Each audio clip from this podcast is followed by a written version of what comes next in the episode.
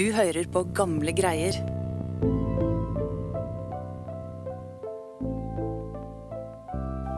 Året er 1922, og Oskar Jæger, økonomiprofessor og formann for spiritismebevegelsen i Norge, har satt akademia på hodet med et nytt og spinnvilt prosjekt. Etter en heftig krangel med den skeptiske danske avisredaktøren Viggo Kavling har Jæger overtalt rektoren ved Universitetet i Kristiania til å sette sammen en forskningskomité som skal undersøke spiritisten Einer Nilsen. Nilsen er kjent for å kunne påkalle de døde og få dem til å vise seg i form av et mystisk, hvitt stoff som strømmer ut av munnen og nesa hans. Det er opp til professorene å avgjøre om Nilsen er et ekte medium, eller om han er en bedrager.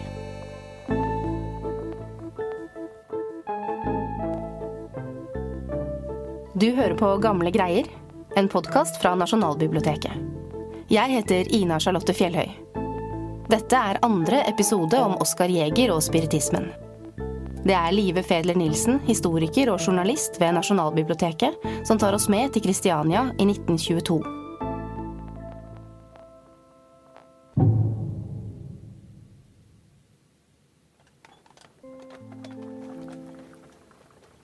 Det var en kald februarmorgen, og Oskar Jæger gikk bortover gaten mot Karl Johan. Han var på vei til første undersøkelse av spiritisten Einer Nilsen, som skulle foregå i det gamle universitetsbiblioteket, der Fysiologisk institutt nå holdt til. Der framme, et steinkast fra slottet, lå universitetsplassen og de tre universitetsbygningene som i 70 år hadde fungert som hovedstadens senter for kunnskap og nysgjerrighet. Oskar Eger strenet over plassen og inn gjennom dørene til det gamle biblioteket.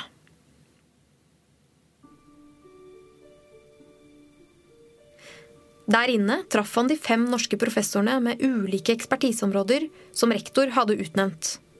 Og selvfølgelig hovedpersonen selv, det danske mediet Einer Nilsen.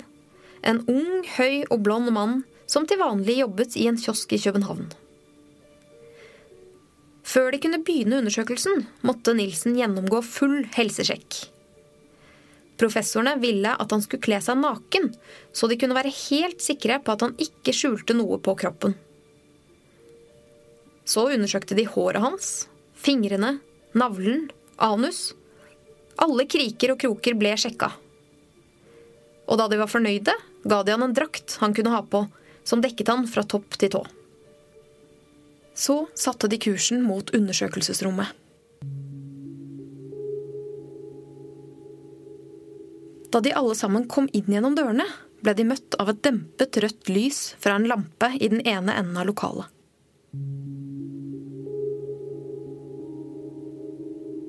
Litt lenger mot midten sto et kabinett med forheng som kunne åpnes og lukkes, og inne i det var det plassert en stol.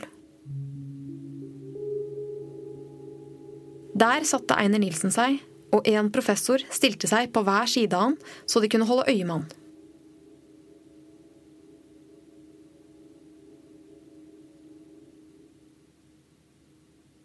Men da Nilsen fikk sett seg ordentlig om i rommet, begynte han å protestere. Han forklarte at stemningen ikke var riktig for å påkalle åndene. Oskar Jæger, som hadde erfaring fra København og visste hvordan stemningen egentlig skulle være, foreslo at de kunne dempe lyset litt, og det gikk professorene med på. Han foreslo også at de skulle synge for å skape riktig stemning. Og den lille gruppa stemte i Deilig er jorden.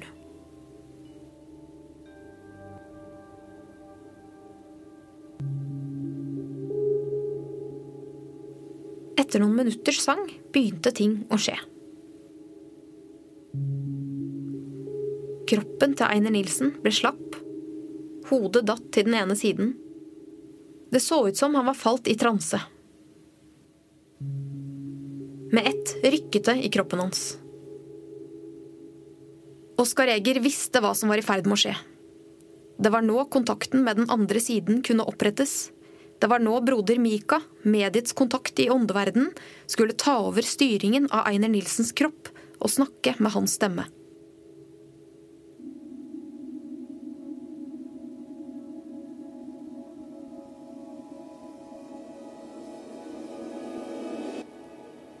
Men det kom ingen stemme. Det skjedde rett og slett ingenting. Og sakte, men sikkert kom dansken til seg selv igjen. Da Einer Nilsen hadde fått tilbake klærne sine, og alle beveget seg ut av bygningen igjen, måtte Oskar Jæger innse at denne første undersøkelsen hadde vært mislykket. Ingen ånder hadde snakket til dem, og det de hadde håpet på, nemlig å få se åndenes fysiske form, hadde ikke skjedd. Einer Nilsen trengte ro og hvile før neste undersøkelse, som ble satt til mandagen uka etter. Og i mellomtiden fikk Oskar Eger tid til å tenke. Og det han kom fram til, det var at forholdene under første seanse ikke hadde vært bra nok. Den ubehagelige nakenundersøkelsen hadde svekket spiritisten, og lyset hadde ikke vært sånn som det skulle. Oskar Jæger skrev til professorene og foreslo å legge forholdene litt bedre til rette neste gang. Men professorkollegiet satte seg på bakbeina. De mente at alt de hadde gjort, var strengt nødvendig for å kunne foreta en akademisk undersøkelse. Og Oskar Jæger var jo ikke selv medlem av komiteen som rektor hadde oppnevnt, så han hadde ikke annet valg enn å akseptere svaret og håpe at neste undersøkelse skulle gå bedre.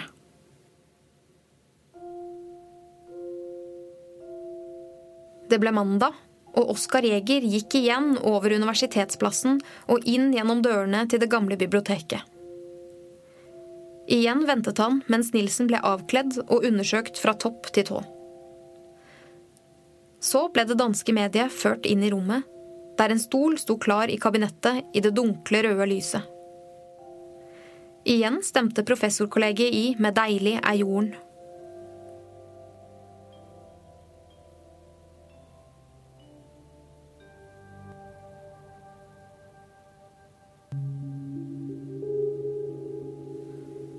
Og denne gangen, da Einer Nilsen var falt i transe, svarte endelig ånden broder Mika.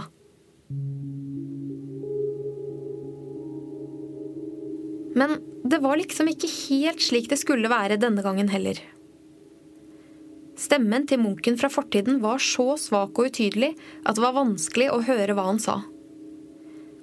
Og heller ikke denne gangen fikk de se noe langt, slørete åndestoff. Og stort mer skjedde ikke før Einer Nilsen kom til seg selv igjen og øyeblikket var over.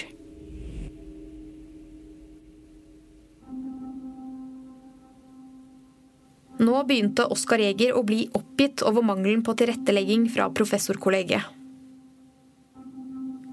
Lyset var feil, stemningen var ikke riktig, kroppsvisitasjonen var altfor belastende, og mediet burde få sitte alene i kabinettet i begynnelsen av seansen, mente han. Han begynte nok å få en følelse av at professorene ikke var så åpne for muligheten for at Einer Nilsen snakket sant.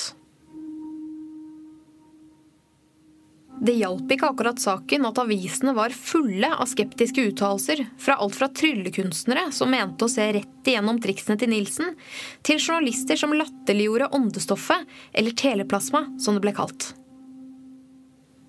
Den danske avisen Politikken hadde vært på banen igjen og trykket en stor artikkel med bilder. Og i bildetekstene hadde journalisten skrevet at teleplasmaen minnet veldig om et håndkle eller et laken. Oskar Jæger bestemte seg for å prøve å skrive et nytt brev til professorkollegiet og be dem tilrettelegge litt bedre for at Einer Nilsen skulle ha en sjanse. Og etter litt diskusjon sa de endelig ja til at Einer Nilsen skulle få sitte alene i kabinettet i begynnelsen av seansen, med forhenget trukket for og uten en professor på hver side.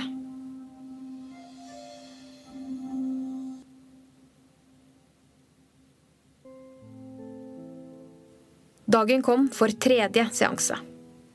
Det var blitt 28. februar, og Einer Nilsen hadde vært i Norge i flere uker allerede, uten at det hadde kommet noen tydelige resultater. Oskar Jæger gikk inn gjennom dørene og ventet mens dansken nok en gang kledde av seg og ble sjekket grundig. Så gikk alle inn i rommet.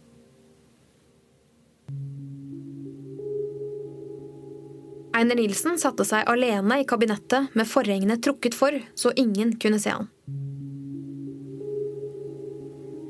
Det gikk en stund før noen sa noe. Så tok en av professorene ordet og spurte om broder Mika var til stede. Forhenget ble brått slått til side, så de kunne se han som satt der inne, og de hørte stemmen til munken fra fortiden.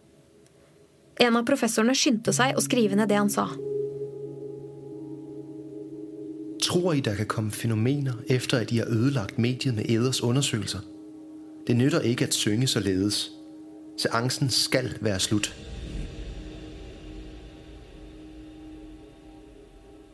Etter beskyldningene om at professorene hadde ødelagt mediet, la Einer Nilsen seg tilbake i stolen. Så åpnet han øynene og hadde tilsynelatende kommet til seg selv igjen. Og med det var tredje seanse over. Professorene noterte at heller ikke denne gangen hadde mediet klart å få åndene til å dukke opp i fysisk form.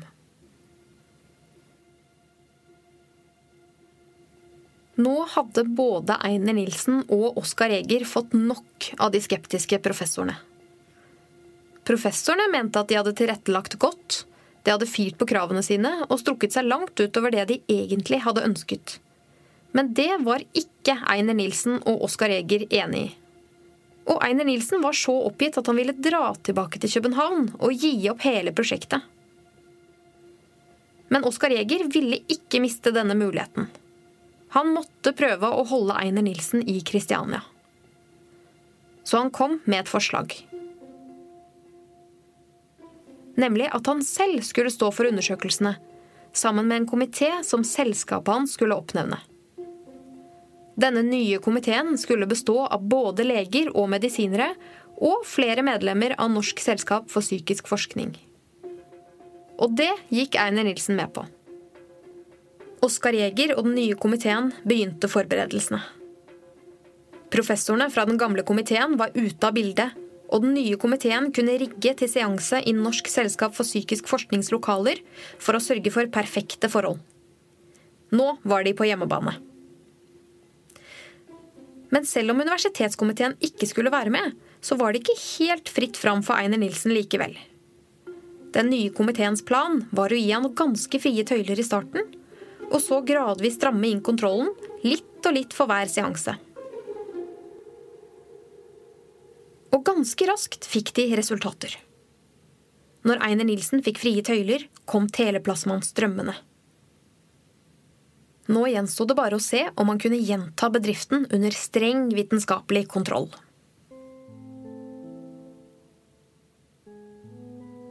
Det var blitt mars, og Oskar Jegers komité gjorde seg klare for ny undersøkelse. De hadde strammet inn kontrollen, og denne gangen skulle også de ha full kroppsundersøkelse, sånn som universitetskomiteen hadde hatt. Einer Nielsen møtte opp og godtok å bli undersøkt fra topp til tå, med ett enkelt unntak. Han sa nei til enda en sjekk av endetarmsåpningen. Det orket han ikke en gang til.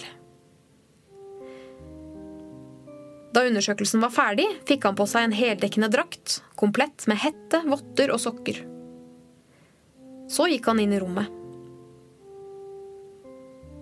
Der inne sto en fotograf med kamera klart til å dokumentere det viktige øyeblikket hvis Einer Nilsen skulle klare å få fram noe teleplasma.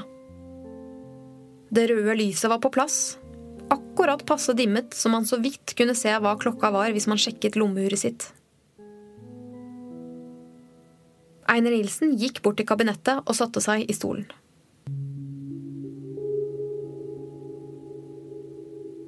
Hodet til Einer Nilsen datt fremover, så haken lå mot brystet.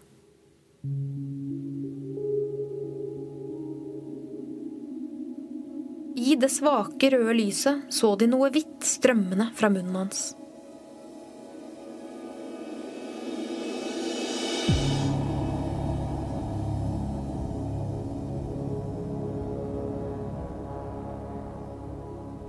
Rett foran øynene på Oskar Jæger og komiteen hans, under strenge forutsetninger, hadde Einer Nilsen fremkalt teleplasma. Fotografen trykket på utløserknappen, og øyeblikket som Oskar Jæger hadde ventet så lenge på, var foreviget.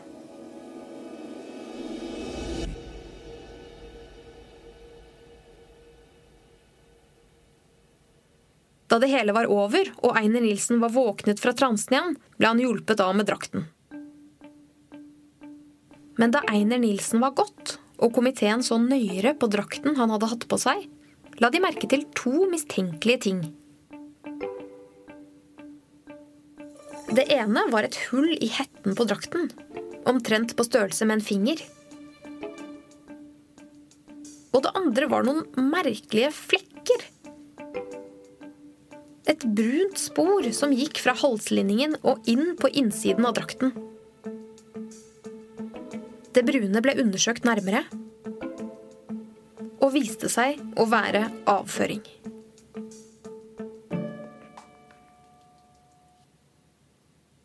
Det gikk rett og slett et langt bremsespor på innsiden av drakten. Nå forsto de hvorfor Einer Nilsen hadde vært så motvillig til å få undersøkt anus. Han hadde gjemt et lommetørkle i endetarmsåpningen, som han på et eller annet vis hadde klart å fiske fram, lirke under drakten, opp i halslinningen, innom munnen og ut, så komiteen kunne se det. Dette var altså Einer Nilsens teleplasma.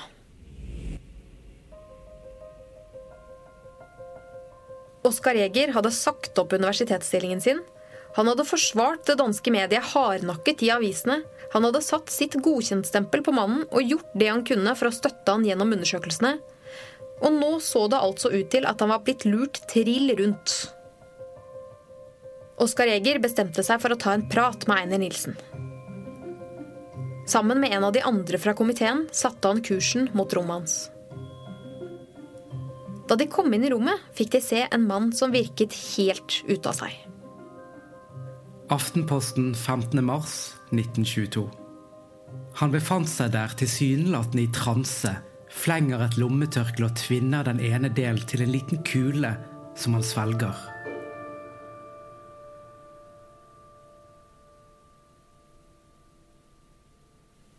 Oskar Jæger måtte innse at prosjektet hadde vært en fiasko. Det var åpenbart at dansken hadde jukset. Om det var bevisst eller ubevisst, var han ikke så sikker på. Han åpnet for muligheten for at Einer Nilsens underbevissthet hadde fått han til å jukse. Eller at noen av åndene på en eller annen måte hadde stått bak bedraget.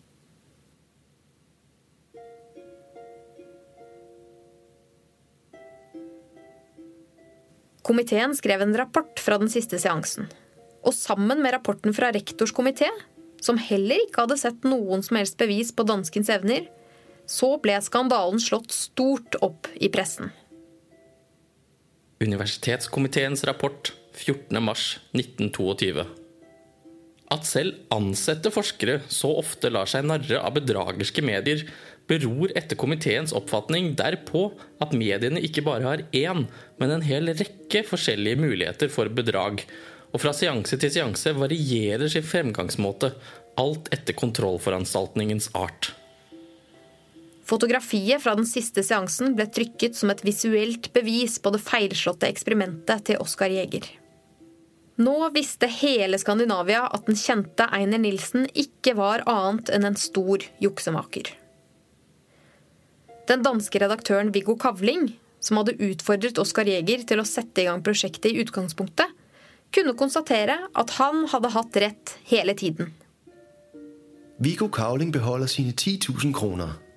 Dette resultat var ikke heldig for professor Gjære, der hadde brukt så sterke ord. Og Oskar Jæger, som hadde satset alt på å bevise åndenes eksistens, hadde tapt ansikt i offentligheten. Inntrøndelagen 16.3.1922. For den norske opinion er det Oskar Jæger som står som den avslørte. Hvor er de uhyggelig åndsløse, disse mennesker som higer etter å ta og føle på ånder? Så uendelig tett er deres tanker og følelser lenket til materien at de ikke aner at det er nettopp seieren over stoffet, befrielsen for det, som er ånd.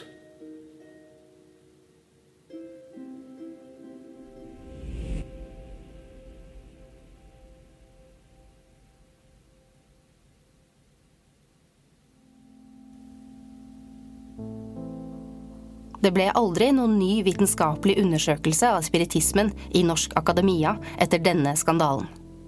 Psykisk forskning, eller parapsykologi, forble et omstridt og omdiskutert fagfelt som aldri fikk innpass på universitetene. Oskar Jæger fikk fortsette som økonomiprofessor på universitetet, og forble leder for Selskap for psykisk forskning til sin død i 1933. Opplevelsene med Einer Nilsen rokket ikke ved troen hans på at det fantes ekte medier, og at broen mellom de levende og dødes verden var virkelig. Du har hørt en episode av Gamle greier. Episoden er laget av Live Fedler Nilsen, Dang Trind og meg, Ina Charlotte Fjellhøy. Medvirkende var Mikkel Bjørnskov Bartholdi, Ole Albert Rønning Nordby og Jo Adrian Håvin. Enkelte sitater i episoden er kortet ned og modernisert. Musikken du hørte, var fra Epidemic Sound og spesialkomponert musikk av Therese Aune. Kilder til episoden var brevsamlinger og universitetsdokumenter fra Nasjonalbibliotekets privatarkiv, avisartikler fra perioden 1918 til 1923 fra nettbiblioteket på nb.no, fotografi fra Aust-Agder museum og arkiv, Store norske leksikon, artiklene Engler, mer enn en rapport fra jenterommet, Kvinner og spiritisme i Norge, og Et ærlig menneske på bunnen om spiritistiske medier og bedrag av Tonje Maria Mæren. Artikkelen 'Vitenskapsfolk forsket i ånder' av Irene Petersen på vitenskap.dk. Og avisarkivet på Det kongelige bibliotek i København. Takk også til Mæren for god hjelp til episoden, og til ansatte ved Spesiallesesalen på Nasjonalbiblioteket for god kildehjelp.